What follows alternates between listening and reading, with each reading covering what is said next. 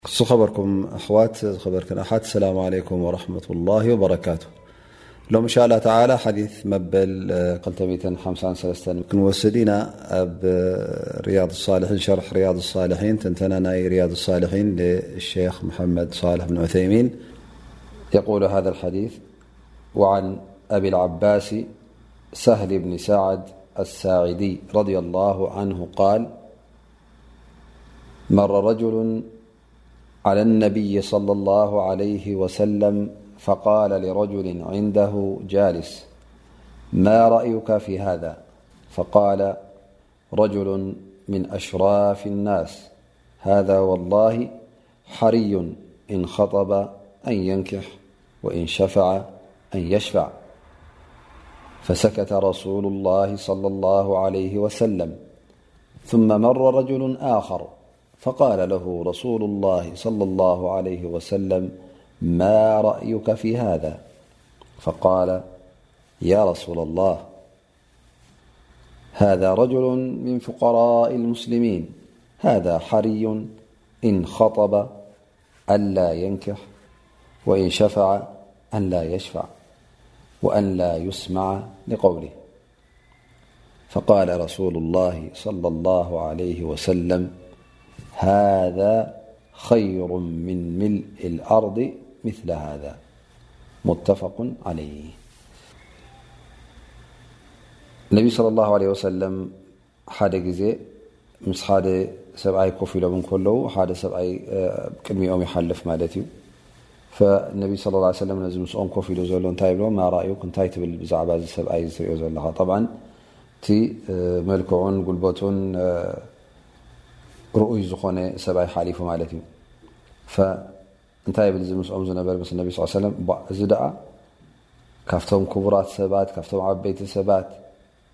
እዚ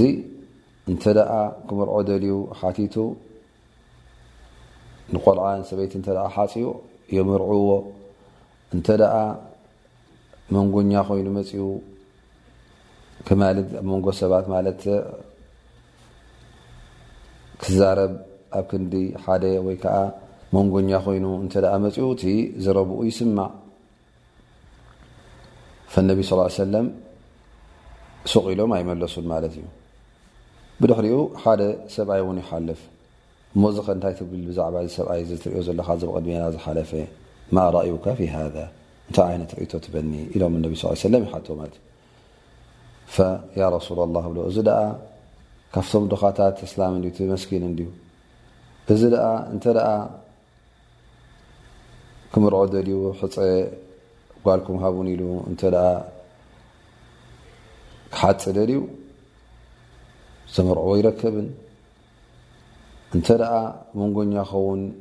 ደልዩ ውን ክሽፋዕ ንሰብ እዚ እውን ኣይስማዕን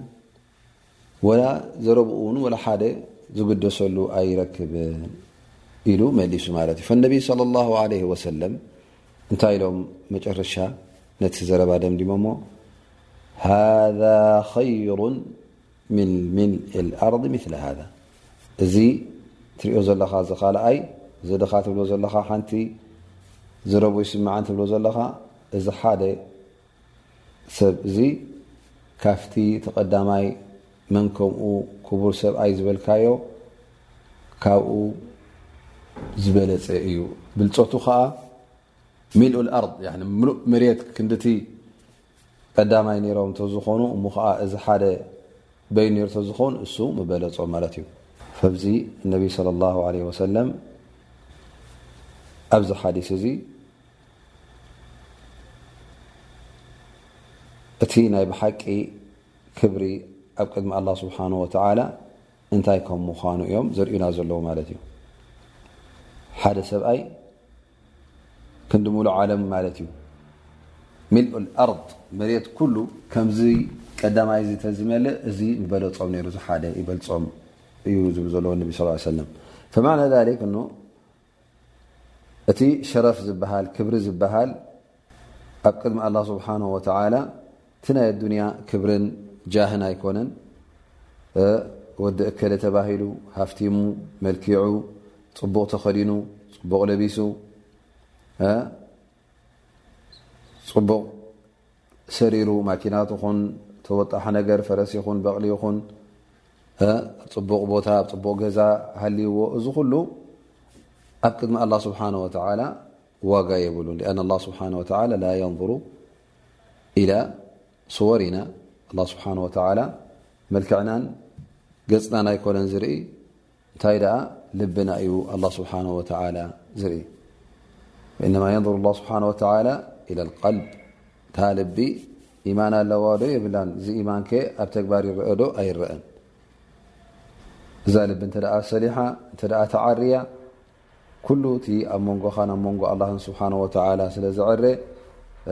ስራሕካ እውን ረቢ ዝፈትዎ ይኸውን ናብ ጎይታ ትምለስ መልሓስካ ንጎይታ ዝዘክር ፈራህ ረቢ ናብኡ ተመላሲ ቶባ ባሃሊ ረቢ ዝፈትዎ ስራሕ ጥራይ ትሰርሕ በዓል ሰናይ ትኸውን እሞ ሽዑ ኣብ ቅድሚ ኣላ ስብሓን ወተዓላ ትኸብር ኣብ ቅድሚ ኣላ ስብሓን ወተዓላ ልዑል ደረጃ ትረክብ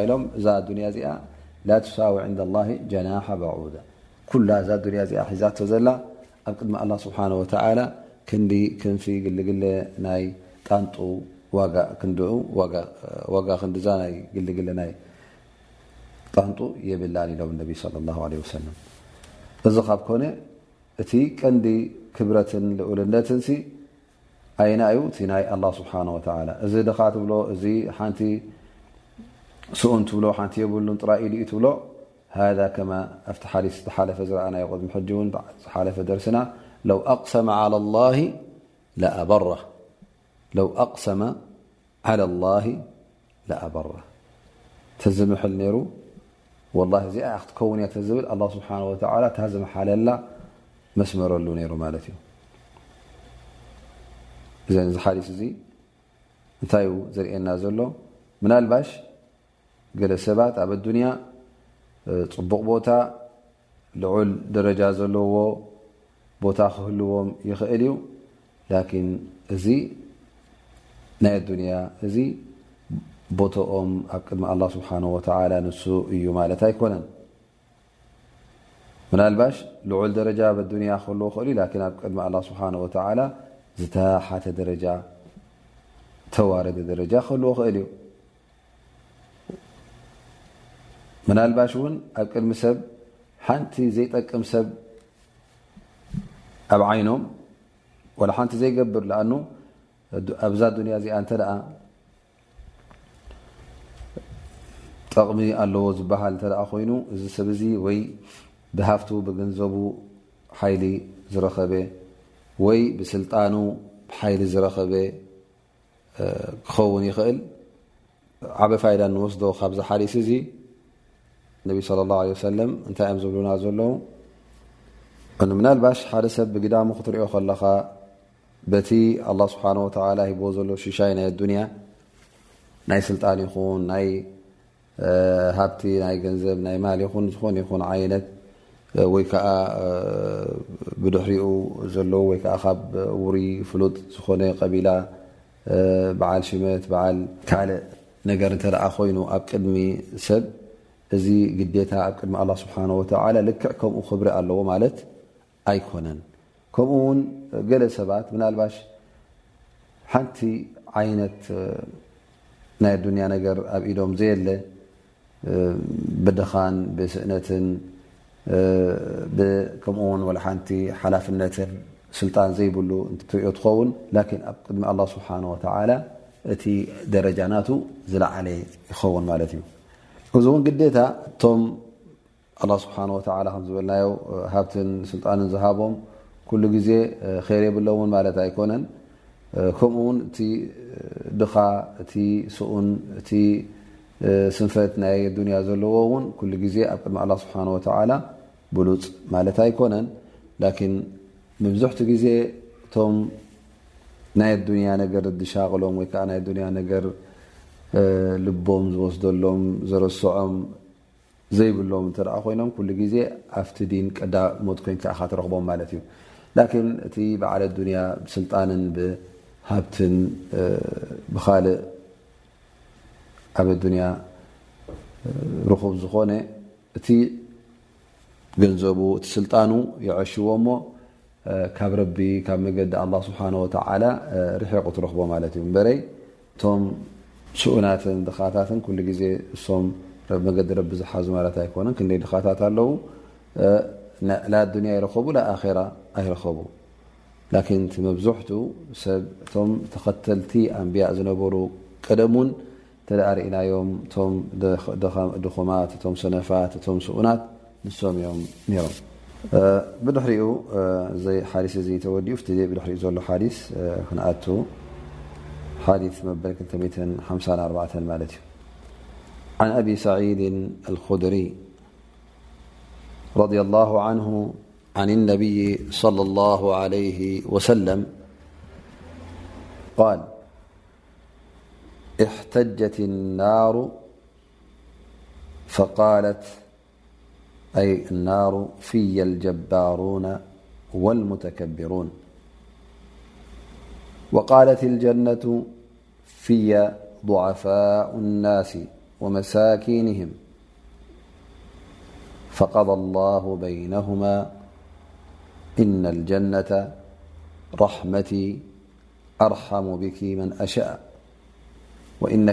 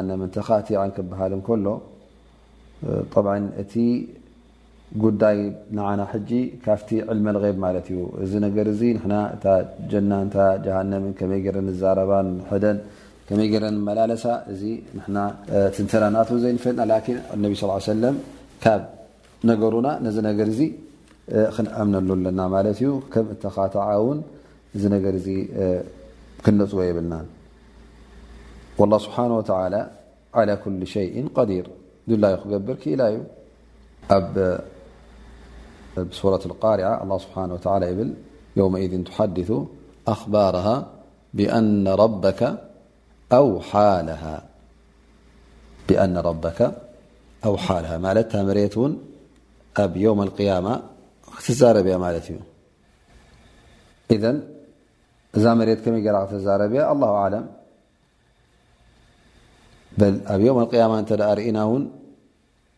ኣእዳውካ ቆርበትካ መልሓስካ እግርኻ እዚ ኩሉ ክምስክረልካ እዩ ምስክር ኮይኑ እውን ክዛረብ ከመይ ገይሩ ዛረብ ኣላ ስብሓን ወተላ ኣለም እቲ ጉዳይ ኣላ ስብሓን ወተላ ባዕሉ ይፈልጦ ማለት ስለዚ እሳት ዶ ይዛረብ እዩ ወይ ከኣ ጀና ደኣ ትዛረብ ድያ ወይ እዚ ዝዛረብ ይዛረብን እንተ ክትብል ኮይንካ እዚ ነገራት እዚ ናይ ዮም ኣልቅያማ ጉዳይ ስለ ዝኾነ ናይ غይቢ ናይ ሕቦ ስቱር ጉዳይ ስለ ዝኾነ ንስኻ ከምቲ እተነገረካ ብወሓይ ካብ መፀ ካብ ነቢና ሙሓመድ صለ ላه ሰለም ካብ ተነግረ እዚ ነገር እዚ ክትኣምነሉ ኣለካ ማለት እዩ እሞ እዛ ጀሃነም እንታይ እያ ትብል ነይራ? ኣነ እቶም ብርቱዓት ሰባት፣ እቶም ሓያላት ሰባት ዝበሃሉ፣ እቶም ትዕቢተኛታት፣ እቶም ልኡላን ዝበሃሉ፣ ክቡራን ዝበሃሉ ዝነበሩ፣ ኣነ እዞም ሰባት እዚኦም ምሳይ ኣለዉ፣ ሙተከብሪን ኣለዚነ የቕሚጡነ ኣናሰ ወየርዱነ ኣልሓቕ፣ ንሰብ ዘዋርዱ ንሰብ ዘታልሉ ወይ ከኣ ንሰብ ብዓይኒ ቕበብ ይርእዎም ነሮም ማለት እዩ ይቐብዎም ነሮም እዚኦም እንታይ ኣለዎም እናበሉ ንሰብ ወላ ሓንቲ ከም ሰብ ገይሮም ዝቆፅሩ ዘይነበሩ እሞ ከዓ ንሓቂ ተመልሱ ተበልካዮም ውን ሓቂ ዘይቀበሉ ዝነበሩ ሰባት እዚኦም እዮም ኣብታ ጀሃነም ነይሮም ማለት እዩ። ስለዚ ኩሉ ግዜ እታ መጥፍኢት ንወዲ ሰብ እተጥፍኦ እንተ ርኢና ኣብዛ ኣዱንያ ብሰንኪ ትዕቢት ትጠፍእ ማለት እዩ። ብሰንኪ መን ከማይ ስለ ዝብል ኣነ እየ ዝፈልጥ ኣነ እየ ፈላጥ ንዓይ ዝፍልጠኒ የለን እዚ ዓይነት እዚ ስምዒት ስለ ዘለዎ ሓደ ካብቲ ንወዲ ሰብ ዘጥፍኦ እቲ ትዕቢት እዩ ማለት እዩ ስለዚ እቶም ኣህል ናር እቶም ንእሳተ ጀሃንም ዝኣትዉ ሰባት ካብ መን ይኾኑ ማለት እዩ ካብዞም ሙተከብሪን ይኾኑ ማለት እዩ ፀባይ ዘይብሎም ቁብል ፀባይ ዘይብሉ ንሰብ ኩሉ ግዜ ዘካፍእ ትረኽቦ ማለት እዩ ምኽንያቱ መን ከማይ ስለ ዝብል ሰብ ሰብ ኮይኑ ስለ ዘይረኣዮ። ኣማ ኣብታ ጀና ዝኣትዉ ከምታ ጀና ዝጠቐሰታ ፊያ ዱዓፋኡ ናስ እያ እቶም ድኻታት ዝበሃሉ ዝነበሩ ፉቀራእ ናስ ሰነፋት ድኹማት ዝነበሩ ኣነስ ሶም እዮም ዘለዉ ምሳ ኢላ ተዛሪባ ማለት እዩ። ብ ምስቲ ኣርእስትና ሒዝናዮ ዘለና ክነረኣዮ እተ ኮይና እዚ እንታይ ዘርእየና እቶም መሳኪን መሻኪን ዝበሃሉ ዝነበሩ ኣብ ኣዱንያ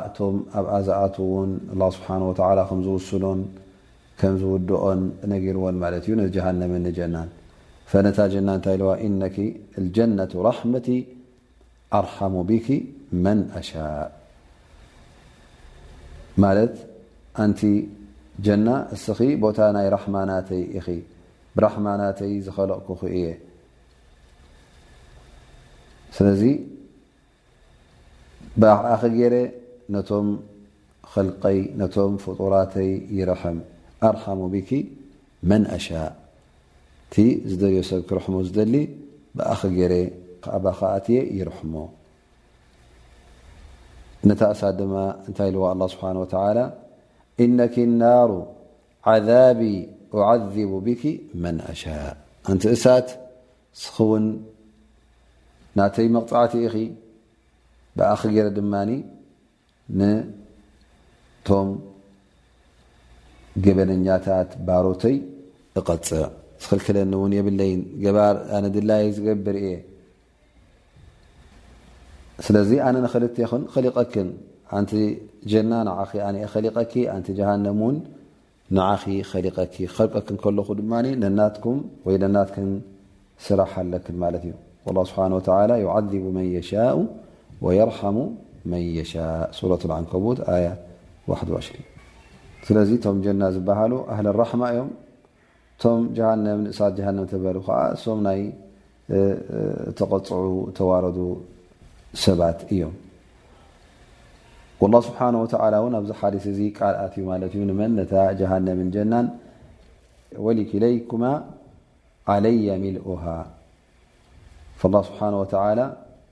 ንጀናን ንጀሃነምን ክመልአን ከም ምዃኑ እነሀ ቃል ኣትዩ ማለት እዩ። በቲ ፈድሉን ራሕመቱን ነታ ጀና ክመልኣ እዩ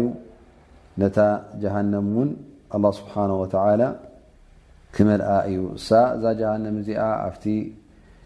ግዜ እቲ ኣብቲ ዮም ቅያማ እቲ ገበነኛ እናኣተዋ ከሎ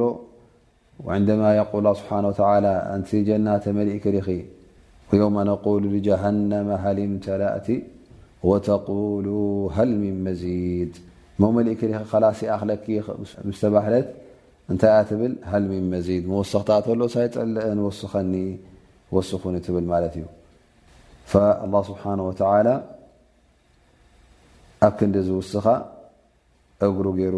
ነዛ ጀሃነም እዚኣ ክሳዕ ይኣኽለኒ ይኣኽለኒ እትብል ይጸቕጣ ማለት እዩ። ክፋያ ክፋያ ማለት ቐጢን ቐጢን ትብል። ኣመ ልጀና ዓርዱሃ ኣሰማዋት ወልኣርድ ስፍሓታ ስፍሓት ሰማያትን መሬትን ማለት ጎና ማለት እዩ ርሕቀቱ ዓርድ ክበሃል እንከሎ ጠብዓ ጎኒ ማለት እዩ ጎና ጥራይ ቁመታ ካልእ ክኸውን እዩ ጎና ጥራይ ንሰማይን መሬትን ዝመልእ ይኸውን ማለት እዩ እሳ ኸኣ እቶም ኣህል ልጀና ምስ ኣተውዋ ብዙሕ ቦታ እዩ ዝተርፍ ብዙሕ ቦታ ይተርፍ ላ ስብሓን ወተዓላ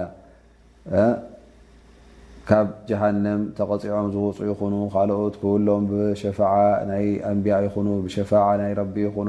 ስብሓ ኩሎም ምስ ኣተውዋ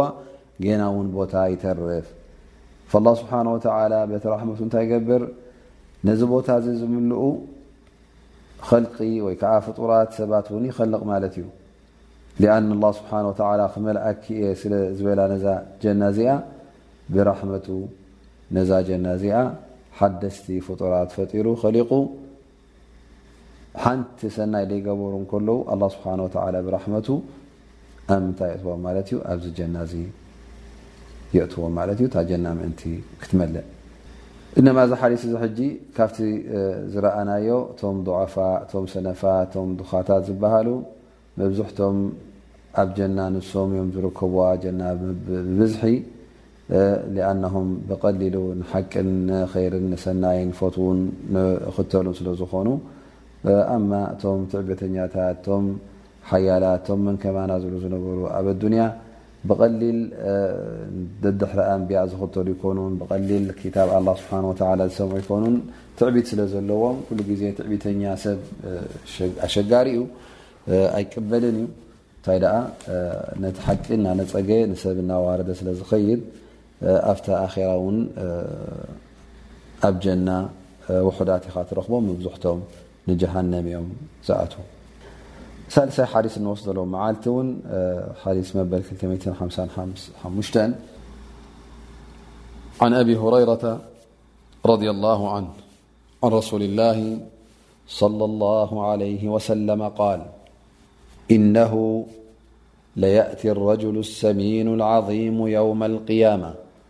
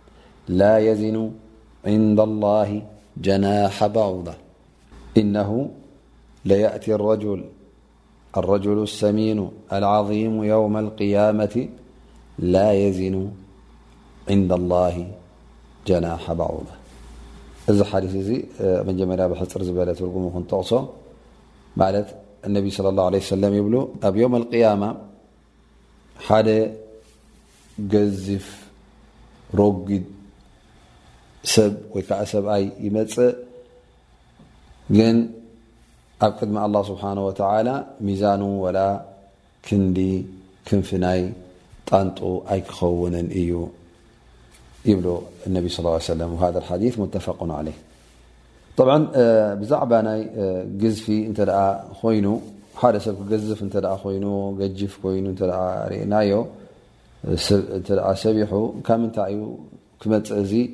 መብዝሕቱ ግዜ ናይ ብዝሒ ብልዒ ከምዝበልዕ ወይ ብዝሒ ከምዝበልዕ ኢኻ ትሪኦ ማለት እዩ ብዚ ሰብ እዚ እውን ብልዒ ብብዝሒ ክረክብ እንተ ኮይኑ ገንዘብ ኣለዎ ማለት እዩ ሃብታም ክኸውን ኣለዎ እምበረ ድኻ እንተ ኮይኑ ወላ እውን እናደለየ ከሎ እቲ ብልዒ ሰኣን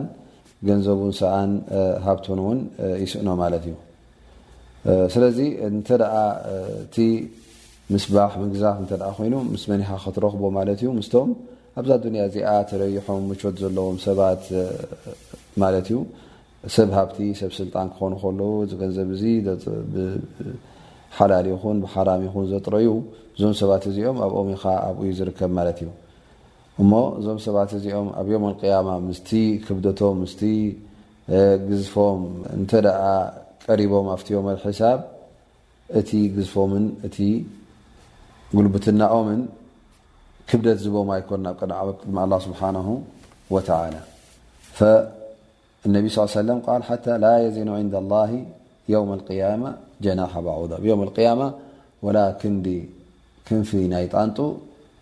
ኣይክመዝንን እዩ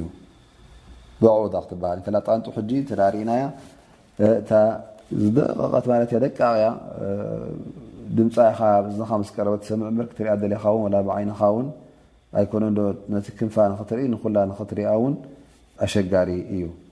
ስለዚ እዚያ ድኽምትን ሰነፍን ዝኾነት ፎካስ ዝኾነት በራሪት ሓሸራ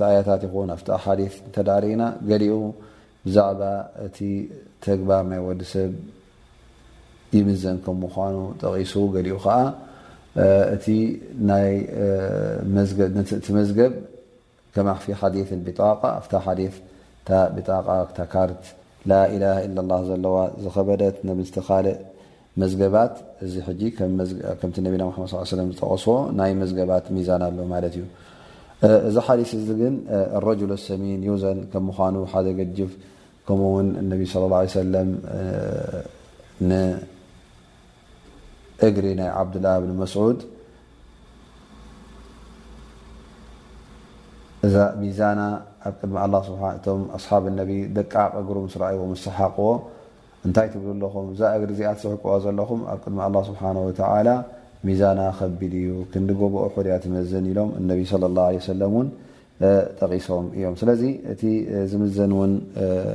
እቲ ባርያ ኣላ ስብሓን ወተላ ክኸውን ይኽእል እዩ። ኩሉ እውን እዚ ነገራት እዚ ይምዘን ከም ምዃኑ ኣብ ዮም ኣልቅያማ ከምቲ ኣብ ሓዲስ ዝመፀና ክንኣምን ኣለና ማለት እዩ። ስለዚ እቲ ሚዛን ምንታይ እዩ? እቲ ሰናይ ዝገበርካዮን ምስቲ ገበንካ ይምዘን ኣይናይ ይበዝሕ ይረአ እንተ እቲ ሰናይ ዝገበርካዮ በዚሑ ንጀና ትሓልፍ ማለት እዩ። እንተ እቲ ገበናትካ በዚሑ ድማ ንጀሃነም ትኣትው ወይን ተሳወት እተ ክለት ዩ ማዕሮ ኮይኑ ከዓ ካብቶም ኣህል ኣዕራፍ ዝበሃሉ ምስኦም ትኸውን ማለት እዩ በይነ ጀና ወናር ኣይጀና ኣይንጀሃንም ክሳዕ ኣላ ስብሓን ወተላ ሓደ ዝህቦም ማለት እዩ ላኪን ኣብ መጨረሻ ከምቲ ዕለማእ ዝብልዎ እዞም ኣህል ኣዕራፍ ንጀና እዮም ዝኣትው ብራሕመት ላ ለሊኣኑ እቲ ዝገበርዎ ሰናይ ምስቲ ገበናቶም ማዕረ ስለ ዝኾነ ብራሕመት ላህ ስብሓን ወተዓላ እዞም ሰባት እዚኦም ንጀና ይበሃሉ ማለት እዩ ስለዚ እቲ ሚዛን ኣሎ ኣብ ዮም ቅያማ ብኡ ክምዘን እዩ እቲ ተግባራትና እቲ ሰናይ ዝገበርናዮ ኹን እቲ ሕማቕ ዝገበርናዮ ኩሉ ክምዘን እዩ ላ ስብሓን ወተዓላ ከምቲ ሚዛንና ከምቲ ዘርኣናዮ ከምቲ ስራሓትና ክፈርደና እዩ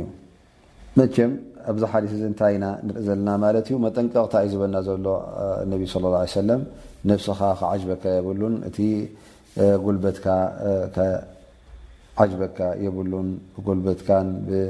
ብሓይልኻን ብኡ ክትዕሾ የብልካን ብኡ ክትታለል የብልካን እንታይ ደኣ ኣእምሮኻ ክትስርሖ ኣለካ እቲ ናይ ብሓቂ ኒዕማን ሽሻይን ናይ ዮም ኣልቅያማ ስለ ዝኾነ ስራሕካ ኩሉ ነቲ ረቢ ዝፈትዎን ነቲ ረቢ ዝደልዮን ናብኡ ከተድህብ ኣለካ ማለት እዩ እምበረይ እዛ ኣዱንያ እዚኣ ሓላፊት እያ ኩሉ ኣብኣ ዝርከብ ውን ረብሓ ዘለዎ ጥቕሚ ዘለዎ ኣይኮነን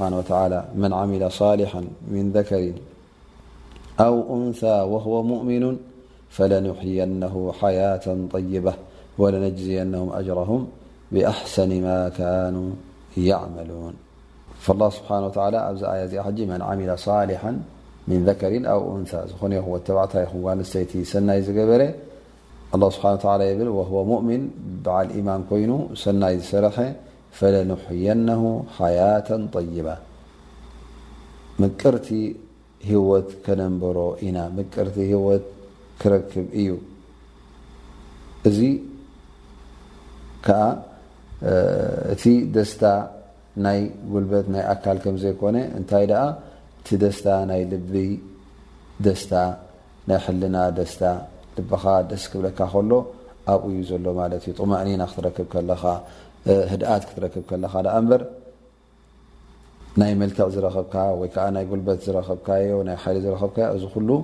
ሙትዓን ደስታን ኣይቁፀርን እዩ ስለዚ እቲ ሰዓዳ እቲ ፅቡቕ ናብራ እንተ ክትረክብ ኮንካ ህድኣትን ዕረፍትን ክህልዎ ኣለዎ ትርብኻ ልብኻ ከዓ ህድኣትን ዕረፍትን ክረክብ ካብ ምንታይ ክረኽቦ ካብ ኢማን እዩ ክረኽቦ ዳኣ እምበር እንተ ልቡ ካብ ኢማን ባዶ እንተ ኮይኑ ጥራይ ናይ ኣዱንያ ዝመልአ እንተ ኮይኑ ኩላ ሓያቱ ወላ ይሃፍትም ወላ ስልጣን ይርከብ ካብ ሸገርገር ኣይክሓልፍን እዩ ስለዚ እቲ ኒዕማን እቲ ሽሻይን ኣብ ኣዱንያን ኣብ ኣኼራን ክትረኽቡ እንተ ኮንካ ምስ ኣዱንያ ክትታለል የብልካን ኣዱንያ ክተታለካ የብላን እንተ ኣላህ ስብሓን ወተዓላ ብስልጣን ይኹን ብሃብቲ ይኹን እንተ ሽሻዩ ሂቡካ እውን ተጠንቀቕ ኢኻ እቲ ናይ ኣላህ ስብሓን ወተዓላ ዝግባእ ክትርስዕ የብልካን ነብስኻ እውን ሓልዋ ኢኻ መገዲ ረቢ ኣትሕዛ ኢኻ ምእንቲ ከይትጠፍእ ማለት እዩ ናይ ሎም መዓልቲ ደርስና በዚ ይድምደም ኣስ ኣላ ስብሓን ወተዓላ ኣን የንፋዕና ብማ ሰሚዕና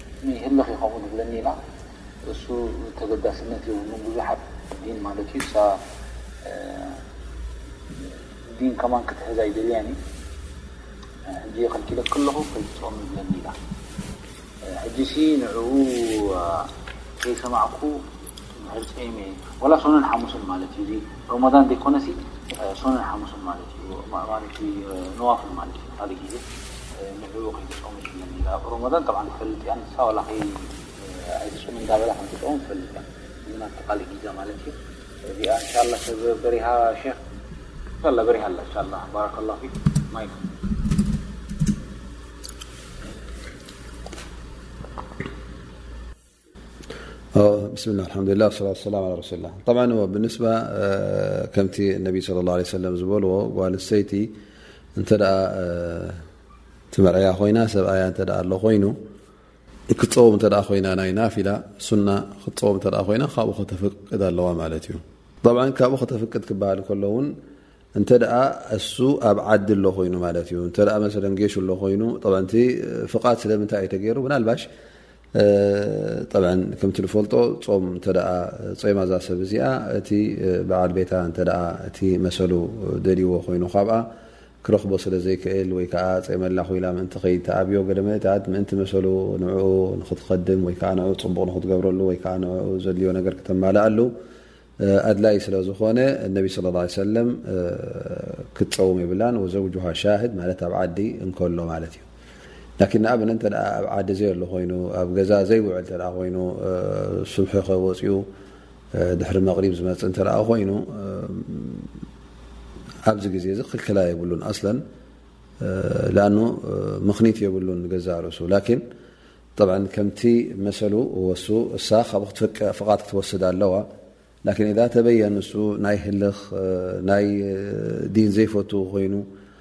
ኣብ ርእሲኡ ድማ ከምቲ ዝበልካዮ እንተ እዚ ሰብ እዚ ኣስለን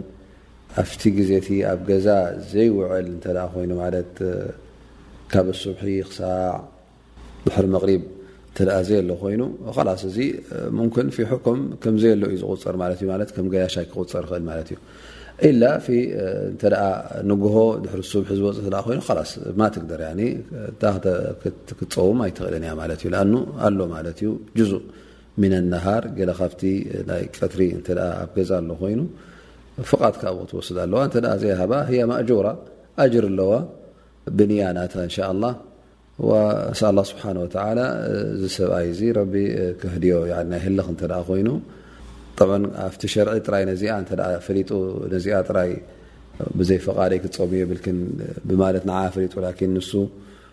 ካብ መገዲ ረቢ ዝረሓቐ ወይ ከኣ ንሳ ካብ መገዲ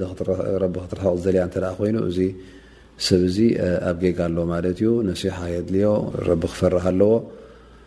እሳ ድማ ዱዓ ክትገብር ኣለዋ ረቢ የህድዮ ኢላ እንሻ ላ ተላ እዚ ሰብ እዚ እንሻ ላ ረቢ ክህድዮ ረቢ ምስ ሃድዮ ድማ ንሳን ንሱን ክልቲኦም እንሻ ላ ብሓደ ይፀሙ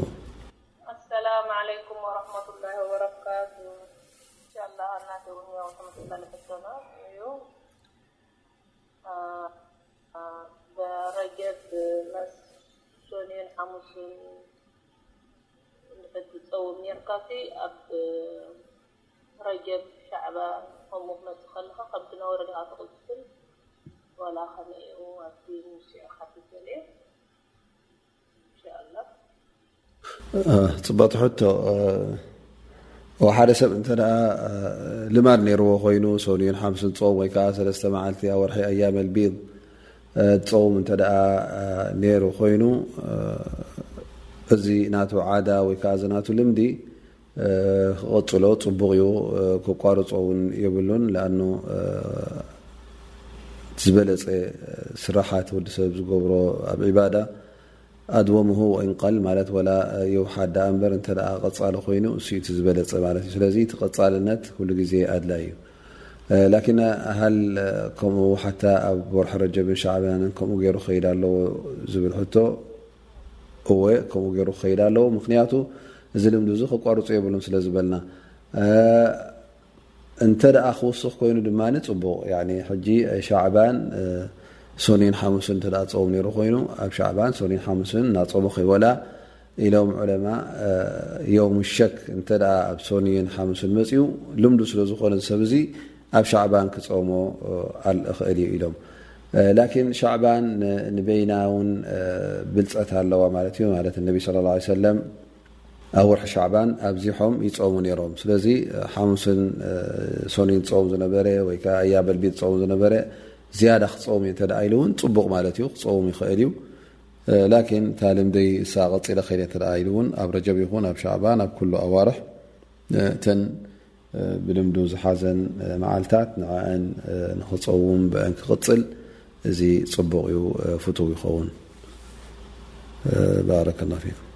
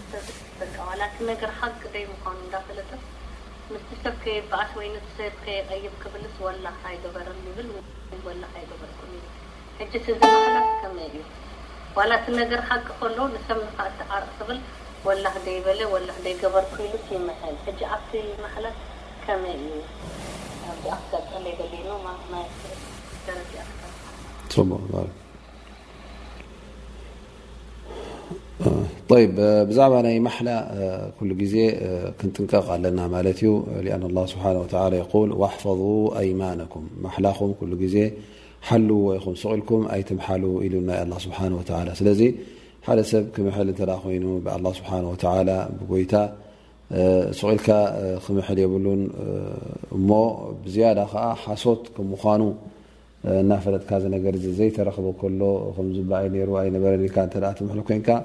እዚኣ ንገዛ ርእሳ እንታይ እያ ትስመ ኣልየሚን ኣልغሙስ ኣልየሚን ኣልغሙስ እንታይ ማለት እዩ ቃል ነቢ ስ ሰለም ቃል ሂየ ለቲ ተغሚሱ ሳሒብሃ ፊ ናር እዛ ማሕላ እዚኣ ነቲ ዋናኣ ኣብ እሳተ ጀሃንም እተጥሕሎ እያ ኢሎም ነቢ صለ ላه ለ ወሰለም ኣይነይቲ እያ እዛ ማሓላ እዚኣ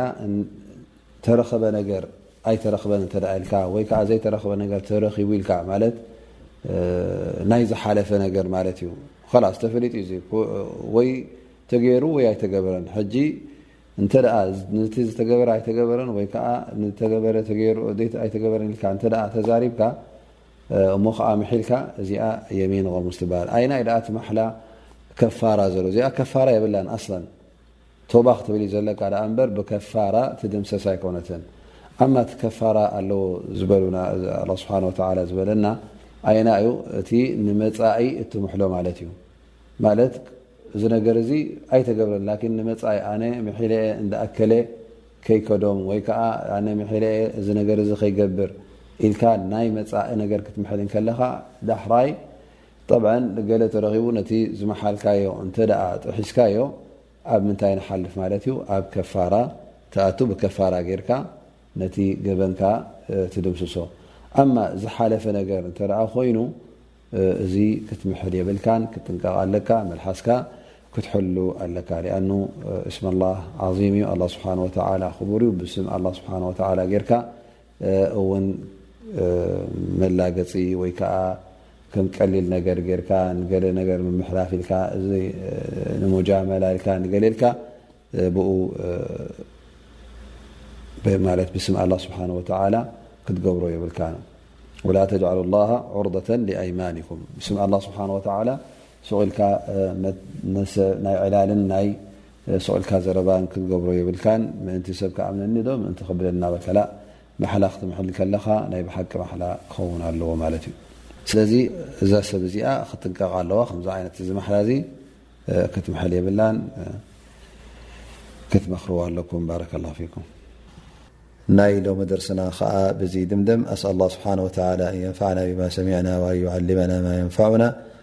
وصلى الله على نبينا محمد وعلى آله وصحبه وسلم أجمعين والسلام عليكم ورحمة الله وبركاته